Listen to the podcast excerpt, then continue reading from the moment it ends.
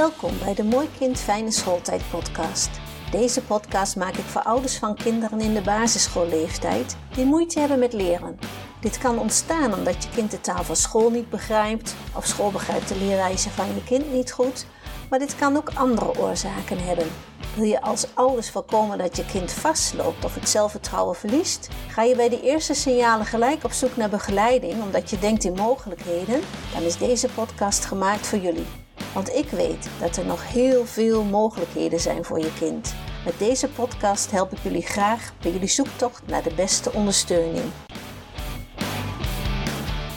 Deze keer neem ik jullie mee naar de wereld van de reflexen. Tja, reflexen. Wat is dat nou eigenlijk? En wat kun je ermee? En welke invloed hebben deze nou eigenlijk op het leren of misschien wel op ons functioneren? Ik denk dat er niet direct aan reflexen wordt gedacht als de ontwikkeling van kinderen en van onszelf niet lekker loopt. En toch kunnen ze een heleboel veroorzaken waardoor er dingen niet lukken of lekker lopen. Maar het mooie is dat als het aan de reflexen ligt, je hier nog wat aan kan doen. Eerst even een algemene uitleg over reflexen, zodat je weet wat er in het algemeen mee bedoeld wordt en het belang ervan. Reflexen zijn een vaste, onbewuste, snelle reactie van het lichaam. Reflexen staan niet onder invloed van de wil. De handelingen verlopen zonder dat de grote hersenen erbij betrokken worden. Reflexen bestaan uit reflexbogen. Bij een reflexboog zijn zintuigcellen, sensorische zenuwen, schakelcellen in het centrale zenuwstelsel en motorische en spieren of klieren betrokken. Nou, hele lijst. De grote hersenen spelen geen directe rol bij de reflexen. Reflexen hebben een aantal functies. Een van de functies van reflexen is het beschermen van het lichaam tegen invloeden van buiten. Een andere functie van spierreflexen zijn het handhaven van de lichaamshouding. Een lichaam handhaaft met kleine spiercorrecties de lichaamshouding. Een staand lichaam zal constant naar voren, achteren of opzij hellen en zonder correcties uiteindelijk snel omvallen. In een lichaam dat naar voren begint te hellen, zullen spanningsverschillen optreden in de spieren. Deze ongewilde spanningsverschillen door de beweging worden opgemerkt door de spierspoeltjes in deze spieren. Door het activeren van deze zintuigen komt de reflexboog op gang. Door deze reflexboog wordt de houding tijdig hersteld, waardoor het lichaam uiteindelijk niet naar voren valt, maar netjes rechtop blijft staan. Als een dokter met een hamertje een klap op de kniepees geeft, wil hij controleren of alle reflexen nog goed werken. Nu even terug naar het begin van een baby in de buik, want hier ontwikkelen de reflexen zich al. Het menselijk lichaam is prachtig ontworpen. Veilig verstopt in de buik ontwikkelt een klein mensje zich in een razendsnel tempo van een paar cellen naar een ingenieus schepsel met oneindige mogelijkheden. Al vanaf het prille begin in de baarmoeder werkt het systeem aan evenwicht en beweging. De bewegingen van het kind zorgen voor de ontwikkeling van het zenuwstelsel, dat zich steeds wijder vertakt. Deze zenuwbanen hebben als doel signalen te versturen door het lichaam. Alle zintuigelijke informatie, zoals voelen, zien en horen, maar ook beweging, wordt op deze manier verstuurd en aangestuurd. De bewegingen zijn nog niet bewust, nog niet gericht. Het zijn reflexmatige bewegingen. Deze gaan ervoor zorgen dat het kindje op een zo veilig mogelijke manier geboren kan worden en de eerste maanden van het leven kan overleven. Bij gevaar en honger moet het kindje huilen. Bij schrik moet er actie komen. Daar zorgt dit primaire bewegingssysteem voor, de primaire reflexen. In de baarmoeder en het eerste jaar van het leven zijn de hersenen nog niet in staat om beslissingen te maken. In deze periode heeft de hersenstam de beschikking over een set primaire reflexen die automatisch reageren. Deze helpen de baby op een fijne en veilige manier groter te worden. Ze helpen bij het geboorteproces en zorgen voor overleving in de eerste periode. Zo kan een hulpeloos kind het hoofdje nog niet eens optillen en helpen deze reflexen bij de borstvoeding en het grijpen van dingen. De meest primaire reflexen worden geïntegreerd in het eerste levensjaar van de baby. De posturale reflexen, die worden bestuurd door de hogere hersendelen, nemen het over. Posturale reflexen blijven het hele leven actief. Je bent je er waarschijnlijk nauwelijks van bewust, maar er zijn in het lichaam veel reflexen actief die er samen voor zorgen dat je niet omvalt. Je kan dit observeren als je gaat staan met je ogen dicht. Je wiebelt dan een klein beetje heen en weer. Als je je romp iets naar voren beweegt, rekken de beenspieren aan de achterkant zich iets uit. Ze trekken zich direct ook weer iets samen, zodat je niet omvalt. Waarop de beenspieren aan de voorkant zich weer iets uitrekken. Ook merk je dat je tenen in de grijppositie komen. Het resultaat is dat je stil kan blijven staan. Deze houdingsreflexen, ook wel posturale reflexen, hebben een korte route. In de skeletspieren zitten receptoren, zitten ontvangertjes. Zodra deze een ongewone spierspanning meten, krijgen de bewegingscellen een signaal om in actie te komen.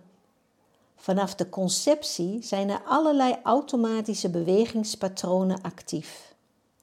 Primaire reflexen. In een vaste volgorde worden de verschillende reflexen actief en stimuleren ze elkaar. Zo worden ze stuk voor stuk, laagje voor laagje opgenomen en geïntegreerd in het systeem. Het zenuwstelsel wordt steeds rijper. Er komen steeds meer vaardigheden ter beschikking. Na verloop van tijd wordt de aansturing overgenomen door de posturale reflexen, die levenslang actief blijven. Deze worden aangestuurd vanuit de hogere hersendelen en zijn onder andere verantwoordelijk voor houding, balans en cognitie. Dit ingenieuze proces verloopt niet altijd hoe het hoort. Soms is hier een aanwijsbare oorzaak voor, zoals een bevalling die niet verliep zoals het hoorde. Als primaire reflexen niet geïntegreerd raken, dus actief blijven, heeft dit de nodige consequenties. De term neurologische ontwikkelingsvertraging NOV geeft aan dat nog niet de hele ontwikkeling is doorlopen. Er blijven reflexen actief die het patroon van de natuurlijke ontwikkeling verstoren. Omdat deze bewegingspatronen nog niet zijn geïntegreerd, worden ze nog aangestuurd vanuit de hersenstam, het oudste deel. En hier vandaan verstoren zij het bewuste bewegen en kosten de meest eenvoudige bewegingen onnodig veel moeite. Nog actieve reflexen worden in verband gebracht met veel fysieke en psychische aandoeningen. Dit komt omdat het integreren van de reflexen zorgt voor het volwassen worden van het centraal zenuwstelsel van de hersenen. Er kan sprake zijn van motorische uitdagingen, maar ook van leer- en gedragsproblemen. Een verhoogde gevoeligheid en een verhoogde drang tot beweging. Vaak komt dit pas aan het licht op school, als de hogere vaardigheden aangesproken worden. Als er dagelijks dingen niet goed gaan, niet lukken, dan kan dit zorgen voor frustratie, boosheid en faalangst. Ik noem een aantal vaardigheden waar je last van kan hebben als het aan een niet geïntegreerde reflex ligt. Je kan bijvoorbeeld moeite hebben met je motoriek. Dit kan ontstaan omdat je niet gekropen hebt. Je hebt bijvoorbeeld wel op je billen geschoven of hebt getijgerd. Of je bent wat onhandig. Je hebt een slecht evenwicht. Je bent slecht in sport en vindt bewegen ook best eng in zo'n grote ruimte. Je hebt een slechte houding en je kunt ook last hebben met je ademhaling bijvoorbeeld astma, last van allergieën of eczeem, of je immuunsysteem werkt niet goed en ook je zinnelijkheid komt maar heel moeizaam op gang. Je zintuigen kunnen overgevoelig zijn. Je ondervindt problemen met zien en met horen. Je vindt luisteren moeilijk en je hebt last van prikkelgevoeligheid, bijvoorbeeld voor kleding of geluid of licht. En je gedrag die kan daardoor dominant of heel timide, een beetje verlegen zijn. Je bent heel schrikachtig. Je gevoel van eigenwaarde is laag en je gevoel van veiligheid is niet goed. En je kan een slecht emotioneel evenwicht hebben. En op school en op je werk kan je moeite hebben met je concentratie. Spelling kan moeilijkheden opleveren. Het schrijven, onder andere de pengreep, kan moeizaam verlopen. Het lezen gaat moeizaam en er zijn er nog wat aanwijsbare dingen over die ook met reflexen te maken kunnen hebben. En dat zijn bijvoorbeeld moeite hebben met slapen, erg vermoeiend zijn en onverklaarbare klachten hebben. Dit zijn al aardig wat symptomen die voor de hele ontwikkeling en je bestaan erg belangrijk zijn en wat toch vaak niet in relatie wordt gebracht met de reflexen, wat ik overigens wel begrijp. Het zou toch helpend zijn als we er wel wat meer mee deden. Er zijn gebeurtenissen en omstandigheden in het leven die een verhoogd risico geven op stoornissen en het integreren van de reflexen. Dit heb je niet altijd zelf in de hand. Er is vrijwel zeker een genetische factor. Vaak zie je dat ouders en kinderen last hebben van dezelfde reflexen die niet geïntegreerd zijn. Het is waarschijnlijk dat de aanleg tot uitval genetisch wordt doorgegeven. Een paar weken na de conceptie ontstaan de eerste reflexen al. Deze reflexen helpen het kind mee tijdens de bevalling. We zien vaak dezelfde actieve reflexen bij mensen die zijn geboren bij een afwijkende bevalling. Bij een keizersnee worden bepaalde reflexen, zoals de spinaal galant, bijvoorbeeld niet geactiveerd. In het eerste jaar is het belangrijk dat een kind bewegingsvrijheid krijgt. Ook is het belangrijk dat kinderen niet te veel in een wippertje of maxicosi zitten of liggen. Tijd op de buik is erg belangrijk voor de ontwikkeling van een aantal reflexen waaruit onder andere het kruipen voorkomt. Ik geef even een aantal risicofactoren op een rijtje. Dit begint al in de baarmoeder en dit kan zijn dat de moeder een infectie opgelopen heeft, of er zijn trauma's in het leven van de moeder, of de moeder heeft schildklierproblemen of uitgeputte bijnieren. De moeder rookt of gebruikt alcohol of drugs, wat in ieder geval wel stimulerend werkt en zeker helpt, maar wat we niet altijd in de hand hebben, is dat de mens wordt geboren met een ingenieus installatieprogramma. In relatief korte tijd ontwikkel je je van onbewust en hulpeloos, bestuurd door automatische reacties, tot een zelfstandig bewust mens. Een wonder dat het zo vaak goed gaat. Het beste recept, maar geen garantie voor een vlotte ontwikkeling is een liefdevolle conceptie, voor en tijdens zwangerschap weinig stress, mentaal stabiele ouders, zwangerschap zonder complicaties, moeder heeft geen tekorten aan vitamine en mineralen, natuurlijke bevalling zonder ingrepen, niet te lang, niet te kort, voorzichtig met vaccinaties en gezond eten. Veel van deze zaken heb je jammer genoeg niet in de hand.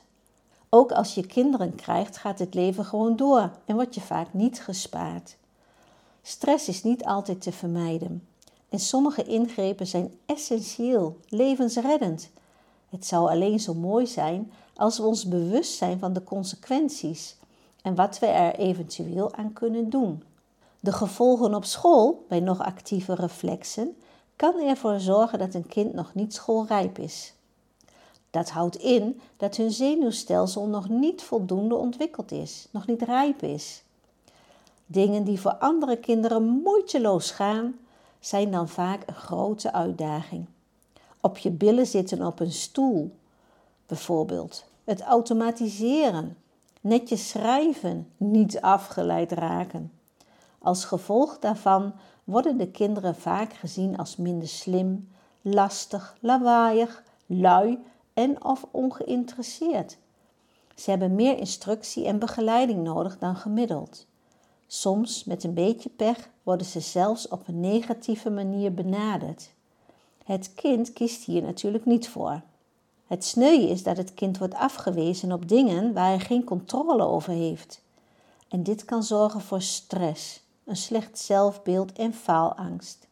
Stress door nieuwe dingen, tijdsdruk of prikkelende informatie zet het lichaam in de overlevingsstand. Actieve reflexen gaan onder stress nog erger opspelen en zo kom je terecht in een vicieuze cirkel van wel willen, maar niet kunnen. Vaak ontstaat er dan compensatiegedrag. Het kind probeert te verbergen wat hij nog niet kan. Wordt zelfs soms hyperactief om zijn vermoeidheid te overschreeuwen. Belandt in een vicieuze cirkel van pleasen of uitsloven. Vaak zie je dat een kind zich dominant en stoer gaat gedragen, of juist heel timide, een beetje teruggetrokken, bijna autistisch. Het voortdurende compenseren is enorm vermoeiend en kan zorgen voor stemmingswisselingen.